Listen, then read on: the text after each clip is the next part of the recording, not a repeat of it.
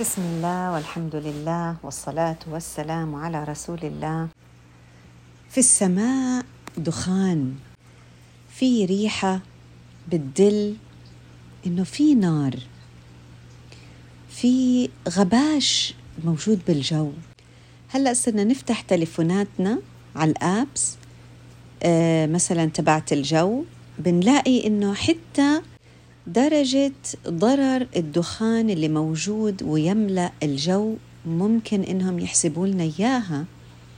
ويقولوا لنا آه علماء الأرصاد يا ترى هل هو صحي إنه إحنا نطلع برا؟ آه هل هو صحي إنه إحنا نتنفس من هذا الجو ولا لا؟ بكلمات أخرى هذا الدخان ممكن يكون علامة إنذار. تحذير أو ممكن يكون عذاب. إحنا شايفين دخان في الهواء. يا ترى إيش سببه؟ هو ممكن يكون دخان حقيقي معناته في نار في حرايق. إذا الدخان هون كان علامة تحذير. انتبهوا في حرايق المفروض إنكم تروحوا تطفوها. وهون رغم غباش الجو. إلا إنه هذا الدخان مبين يعني بين لي الحقيقة إنه في من وراه نار. أما ممكن يكون الدخان الموجود في الجو هو عبارة عن حدا فتح قنبلة دخانية فصار في غباش. هلأ هون الوضع شوي اختلف. هون الدخان بطل مبين هون الدخان أصلا إحنا عملناه علشان يغبش الجو. لكنه ممكن يستخدم للحماية في بعض الأحيان. ليه؟ عن طريق التغبيش. يعني هون شوفوا لاحظوا هو عكس مبين. وممكن مرات يكون دخان حقيقي. يعني في نار. لكن أنا بعمل حالي مش شايفة. وشو بقول؟ يا جماعة ما تكبروا الموضوع. أي هو كل دخان فيه من وراه نار. خلاص مش مشكلة فك كونوا إيجابيين شوي. أي هو الواحد ناقصه مشاكل؟ وهون رغم إنه الدخان حقيقي إلا إنه أنا اتغاضيت عنه. خدعت نفسي وحولت الدخان الحقيقي لغباش. أما في مرات بيكون الإنسان بده يعمل شغب. فبشو بقوم شو بيسوي؟ بدون أي سبب لا بده يحمي نفسه ولا إشي. بيقوم بيعملها ال... بده بده يعمل غباش معين ها ليش؟ يلفت انتباه. فبقوم بيحط هالقنبلة هاي الدخانية آه وبعدين شو بصير فيه بتفاجأ. يا جماعة في دخان. آه هل يا ترى ممكن يكون في نار؟ وإيش؟ ومرات بكذب الكذبة وبيصدقها. فبصير إيش؟ بده يلا يا جماعة إحنا لازم نلاقي حل وإحنا لازم نلاقي نطفي هذا الدخان اللي قاعد يصير. أنتم مش حاسين في الموضوع؟ سبحان الله يا جماعة. كل المواقف اللي ذكرتها الدخان فيها غبش. تمويه بيحجب الرؤية الحقيقية. إلا حالة واحدة لما يكون هذا الدخان حقيقي ومبين مثل ما وصف الله سبحانه وتعالى فارتقب يوم تأتي السماء بدخان مبين عادة الدخان بيعمل إيش؟ مثل ما إحنا بنعرف تخيلوا بيعمل آه، آه، غباش. لكن إذا كان يدل على خطر حقيقي سواء موجود أو قادم. هون أنا لازم إيش أسوي؟ أنتبه. الله قال لي ارتقب ارتقب يعني انتظر. في تفسير هاي الآية فسرها البعض على إنها هذا الدخان اللي سيأتي آه، آه، كعلامة من علامات يوم القيامة. بينما في بعض العلماء فسروه على إنه هو فعلا دخان ابتلي في أهل مكة ومشركين مكة عندما دعا عليهم الرسول صلى الله عليه وسلم من كثر يعني العذاب اللي وضعوا فيه المسلمين. فبعد ما ذهب الرسول صلى الله عليه وسلم وهاجر إلى المدينة دعا على كفار قريش تقريبا في البدايات يعني في آخر فترات مكوث المسلمين في مكة دعا عليهم من كتر يعني أذاهم فأصابهم الله سبحانه وتعالى بدخان. هذا الدخان يعني جاءهم بعد قحط أصاب قريش. وقعدوا سنين يعني حتى دعا عليهم الرسول صلى الله عليه وسلم أن يصيبهم الله بسنين كسني يوسف من القحط. وفعلا هذا ما حصل معهم وبالنهاية بعث الله سبحانه وتعالى عليهم الدخان حتى كادوا إنهم يهلكوا ثم أنجاهم الله سبحانه وتعالى. اذا هون كانت الدخان يعني آية يعني تخويف وعقاب من الله سبحانه وتعالى. لكن الدخان اللي سيأتي في آخر الزمان هذه بتكون علامة وآية إنذار للناس. إنه اقترب يوم القيامة. لذلك يقول الله عز وجل فارتقب يوم تأتي السماء بدخان مبين وفسرت بالمعنيين. الحقيقة يعني بدأت السورة بدخان لكن هذا الدخان كشف عن نهاية السورة. يعني هي صحيح في البداية إحنا شامين ريحة دخان شايفين غبش بالجو لكنه كان مبين. ليه؟ لأنه إحنا عم نشم رائحة عذاب. سبحان الله يا جماعة. لو تشوفوا وصف العذاب خلال وفي خضم هذه السورة. إلى أن ينتهي المشهد ونروح نتبع أنواع العذاب. نلاحظ أنه وصف العذاب بأنه أليم مهين عذاب الحميم وعذاب الجحيم. كل هذا بقودنا إنه إحنا عم نشم قاعدين عم نتبع الريحة لحد ما نلاقي الآيات الشديدة على القلب اللي بتوصف وبتقولنا من وين مصدر هذا الدخان. إن شجرة الزقوم طعام الأثيم كالمهل يغلي في البطون كغلي الحميم. خذوه فاعتلوه إلى سواء الجحيم ثم صبوا فوق رأسه من عذاب الحميم. ذق إنك أنت العزيز الكريم.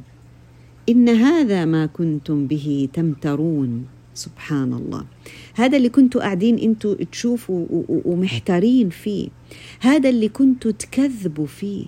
لكن رحمة رب العالمين بتفتح باب التوبة وبتنتهي الآية بمشهد من الخضار والجنات والعيون اللي بتوصف جزاء المتقين. معناته هذه السورة وهذا الدخان المبين عم بحذرني من نار مشتعلة وعلى فكرة مشتعلة في القلوب. إحنا عرفنا سبب هاي النار في سورة الزخرف إنه أنا ممكن أبتعد عن الحق. ما هي مشتعلة. في نار مشتعلة ما بين الحق والباطل وستبقى إلى أن يأذن الله سبحانه وتعالى لهذه الأرض أن تنتهي.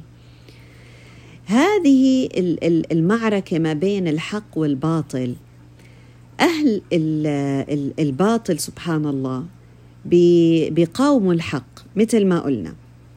وإحنا علينا من أي من وقت سورة غافر وإحنا علينا إنه إحنا ندعو وبدنا نتخير الطرق.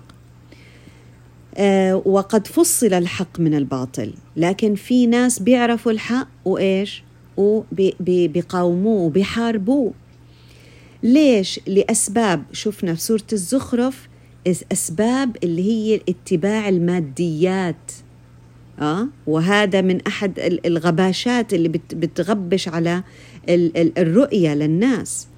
بينما هون في سورة الدخان بيقولوا العلماء إنه مقصدها إلها مقصدين. المقصد الأول التحذير من الانبهار بالسلطة والجاه. شوفوا كان الزخرف بالغنى بالفلوس. بينما هون المكانة السلطة الجاه. يعني لما يكون الإنسان هو ال boss هو المتحكم. أوكي؟ طبعا دائما لما أقول أنا boss مش معناته إحنا عم نحكي عن شركات.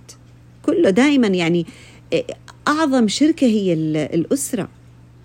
فسواء كان زوج سواء كان الزوجة سواء كان أم سواء كان أب أو إذا كان رئيس ومرؤوس. في العمل أو في المدينة في الدولة في الأمة آه، في حلقة في أي مكان في اجتماع ناس إذا هون هذا الدخان جاي ليحذر من الانبهار بالسلطة والجاه. وفعلا لما نتحدث عن سلطة وعن جاه وغنى لازم يجي آه، فرعون. جاءت قصته في سورة الزخرف وأيضا تأتي قصته في سورة الدخان. الله بوصف يقول ولقد نجينا بني إسرائيل من العذاب المهين. أي عذاب؟ من فرعون إنه كان عاليا من المسرفين. ليش؟ سلطة وجاه طبعا. ما هي السلطة والجاه؟ بتعمي يا جماعة. الواحد بس يكون هو بإيده السلطة. خلص شوفوا كيف ربنا وصف عذاب مهين من الإهانة لأنه كان يهين من تحته. لكن فوق كل سلطان يأتي سلطان الله سبحانه وتعالى. الله بقول وألا تعلوا على الله إني آتيكم بسلطان مبين. آه، فيعني هذا كلام مين؟ هذا كلام موسى عليه السلام اللي وصف الله سبحانه وتعالى بالرسول الأمين وأيضا آه، بالرسول الكريم. وعلى فكرة جاءت هذه القصة حتى تثبت قلب الرسول صلى الله عليه وسلم. حيث وصف الله سبحانه وتعالى بأنه رسول مبين. شوف كيف الوصف. شوف كيف الوصف جاي في سورة الدخان. طيب آه، يعني جاء موسى عليه السلام وطبعا هم آه، يعني آه، خايفين من هذا السلطان اللي كان يتحكم فيهم وهو فرعون. فدعا ربه أن هؤلاء قوم مجرمون. فقال الله عز وجل فأسر بعبادي ليلا إنهم متبعون واترك البحر رهوا إنهم جند مغرقون. عارفين شو يعني يا جماعة هذا المشهد؟ يعني إحنا شايفين الدخان طبع تبع فرعون هذا اللي قاعد يعني يشيط سبحان الله آه، من العذاب إلا إن الله سبحانه وتعالى هو هو هو صاحب السلطان. آه، ماذا فعل؟ لما استنجد به موسى عليه السلام وخلص يعني هو شايف هذا عارفين كيف نار يعني آه، نار بتاكل قاعدة آه، بسلطانها الظالم. عم تاكل قاعدة الناس. فموسى آه، عليه السلام خرج هاربا هو والمؤمنين معه من هذا الدخان. فالله سبحانه وتعالى أمره طبعا أن إيش؟ أن يضرب بعصاه طبعا أنا بس يعني لو نتخيل إحنا نتخيل وضع الناس وقلوب الناس ومشاعر الناس المؤمنة بالله عز وجل اللي هي طالعة وإيش فجأة يعني هي هربانة من نار فرعون وإذا فجأة بتلاقي قدامها إيش؟ البحر. يعني إيش؟ إنا لمغرقون خلص رح نغرق. لكن لا. وين؟ هذا الغرق ربنا بده يطفي فيه هذا البحر نار فرعون اللي إحنا قاعدين عم نشم دخانها. هاي مش إنتوا الهدف إنكم تغرقوا. لا لا لا لا. البحر هذا مأمور يا جماعة. هذا جندي من جنود الله عز وجل. زي بالضبط قلوبنا. بالضبط زينا إحنا.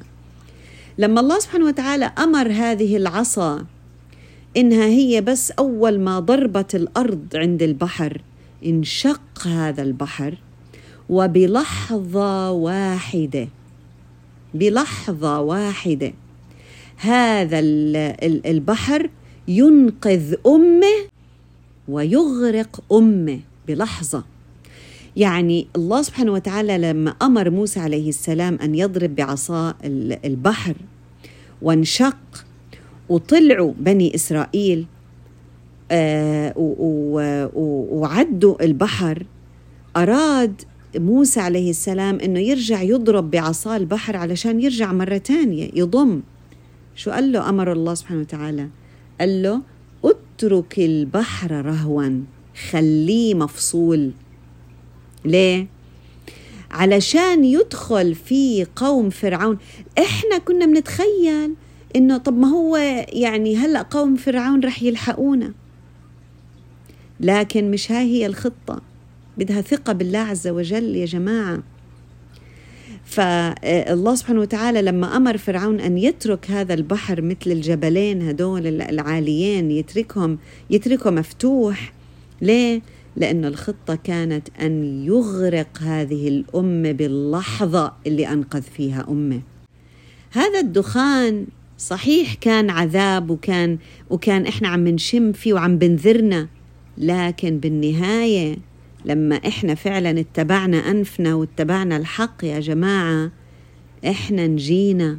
أهل الحق نجوا لأنهم كانوا مع الله لأنهم اتبعوا أثر الدخان وعرفوا كيف يطفوا ناره. كيف؟ باتباع الحق. أنو حق؟ وين موجود الحق؟ طب إحنا هلأ كيف بدنا نتبع الدخان ونعرف كيف نطفي ناره؟ الله قالنا في البداية حميم والكتاب المبين. خمس مرات ذكرت كلمة مبين مبين. يعني والكتاب المبين. وإيش كمان كان مبين؟ دخان. فارتقب يوم تأتي السماء بدخان مبين. الدخان رح يبين رح يبين لك الحق. كمان أنى لهم الذكرى وقد جاءهم رسول مبين. ببين الحق من الباطل إذا اتبعوا. يعني كأنه إحنا يا جماعة نسير في نهر نهر الحياة هذا بين ضفتين. كل نهر في له طرفين على اليمين وعلى الشمال. مو كيف كان نهر؟ لأنه محدد من اليمين ومن الشمال. من اليمين قرآننا من الشمال السنة. عشان نقدر إحنا نمشي في هذا النهر وفي هذا الطريق ونوصل لهدفنا بالنهاية. لابد عشان ما يسيل المياه هيك في كل محل محدد عملت مسرب إيش اللي عمل المسرب هذا؟ القرآن والسنة. كتاب مبين ورسول مبين. ملاحظين يا جماعة كيف الله سبحانه وتعالى يصف؟ وأيضا جاءت آه، آه، كلمة مبين تصف السلطان. وفعلا هذا متناسب كتير مع مقصد هاي السورة. السلطان مش المفروض يكون آه، سلطان يبطش البطشة الكبرى وسلطان في انتقام ولكنه سلطان مبين. وأيضا جاءت آه، كلمة مبين لتصف البلاء. عارفين يا جماعة البلاء؟ مرات البلاء ببين فيه مكنون قلوبنا. إذا بدنا نعرف إحنا وين واقفين مع رب العالمين طلع على قلبك وقت الابتلاء. بالابتلاء أيضا يظهر العدو من الصديق يظهر الحق من الباطل. أحسب الناس أن يتركوا أن يقولوا آمنا وهم لا يفتنون. هذا الابتلاء هو اللي بمحص ويمحص الله الذين آمنوا ويمحق الكافرين في سورة آل عمران. يعني هذا البلاء هو اللي ببين فيه الإنسان مين اللي بده يروح على آه، الجنة ومين اللي بده يروح على جهنم والعياذ بالله. لذلك انتهت السورة بمشهد مبين واضح تماما أهل النار وأهل الجنة. لكن بدأت بأهل النار لأنها قريبة من الدخان. ربنا بده يبين لنا سبب هذا الدخان إيش هو؟ وين ممكن يوديكي إذا طنشتي؟ تعرفوا الناس اللي بيكذبوا الكذبة وبيصدقوها؟ في ناس بشعلوا نيران الفتن. بعدين بقول لك لا لا لا لا ما في فتنة ما في دخان. لا لا لا أبدا. وفي ناس عارفين إنه في نار حقيقية وشامين الدخان وريحته. لكن بيقولوا يا جماعة خليكم إيجابيين لإيش عم بتكبروا المواضيع؟ ما في شيء هينا ما أحلانا. الحمد لله رب العالمين أمورنا كلها طيبة وتمام. وحتى نعرف السبب الحقيقي وراء الانبهار بالسلطة والجاه ذكر الله سبحانه وتعالى هذا المشهد في يوم القيامة. عارفين ليه؟ لأنه بتعرفوا شو اللي بيخلي الفرعون يتفرعن؟ هو إنه نسي إنه في يوم آخر. لذلك جاءت هذه السورة بتبين لي إنه سبب سبب الضياع وسبب الانبهار هو نسيان اليوم الآخر. اذا طريقين عشان يحموني. طريقين عشان يحموني. أول شيء الكتاب المبين. تاني شيء الإيمان باليوم الآخر. ما هم شو صار يقولوا آه ال ال ال الكفار؟ إن هي إلا موتتنا الأولى وما نحن بمنشرين. لذلك قال الله عز وجل إن يوم الفصل ميقاتهم أجمعين يوم لا يغني مولا عن مولا شيئا ولا هم ينصرون. سبحان الله ما في يا جماعة كتير هاي الآية فظيعة فظيعة. صحبة الخير ندور على صحبة الخير. إذا أنت ما قدرتيش تشمي الدخان وما قدرتيش تعرفي إيش سببه الحقيقي أكيد صحبة الخير اللي حواليك حتساعدك. ما تكوني لحالك لأنه مرات الإنسان أنفه بخونه. صحبة الخير اللي بتساعدك إنك تتركي أثر في هذه الأرض. صحبة الخير اللي بتعينك على العبادة اللي بتعينك إنه لما نترك شوفوا إحنا ليش عايشين يا جماعة؟ إحنا عايشين عشان لما نترك إحنا مو عايشين عشان ضلنا قاعدين. إحنا مش مثل قوم فرعون. اللي هم كان مفكر إنه هو رح يضله إلى أبد الآبدين عايش حتى والدليل على ذلك الأهرامات اللي بنوها. لكن يقول الله سبحانه وتعالى كم تركوا من جنات وعيون وزروع ومقام كريم ونعمة كانوا فيها فاكهين كذلك وأورثناها قوما آخرين. فما بكت عليهم السماء والأرض وما كانوا منظرين. ياه ليش هي السماوات والأرض ممكن تبكي على فراق حد أو على موت حد؟ نعم. موضع سجودك. المكان اللي كنت توقفي وتناجي فيه ربك وتبكي. السجادة اللي كنت تغرقيها دموع. لما كانت لما كنت تخافي وانت تشمي ريحة الدخان. بالابتلاءات. تخافي وتقولي ما إلي ملجأ ولا منجى منك إلا إليك. هاي المواضع اللي كنت تمشي وتروحي وتعطي فيها الفقراء. وتتأكدي إنه المحتاج أنت سادة عليه حاجته. تتأكدي إنه رب العالمين أعطاك قدرات معينة وإنت وضعتيها في المكان الصح لأنه ربنا رح يسألك. أنت شو عملتي بحياتك؟ هاي المواضع اللي ستبكي السماء. السماء ستبكي على مكان موضع الدعاء اللي كان يطلع. يا جماعة كانت الملائكة تقول إحنا سمعين هذا الصوت صوت يونس عليه السلام. سامعين هذا الدعاء بس مش من المكان اللي إحنا متعودين عليه. في تفاعل بين السماء والأرض وبين الإنسان وبين الملائكة. في سيمفونية في سيمفونية حاصلة في الكون بمجرد وجودك وخل ومجرد خلقك أنت على الأرض. لكن لما تطلع وتترك جسدك أنت ما تركته هيك أنت تركت شواهد شو تبكي عليك الأرض. يا ترى إحنا حنطلع من هاي الدنيا وتبكي علينا الأرض؟ سؤال لازم كل واحد فينا يكتب جوابه بعمله وبأثره في هذه الدنيا. خططوا للوقت اللي حتطلعوا فيه من هاي الدنيا. التخطيط للدنيا مش كيف أعيش لا. كيف أعيش عشان أطلع من هاي الدنيا صح.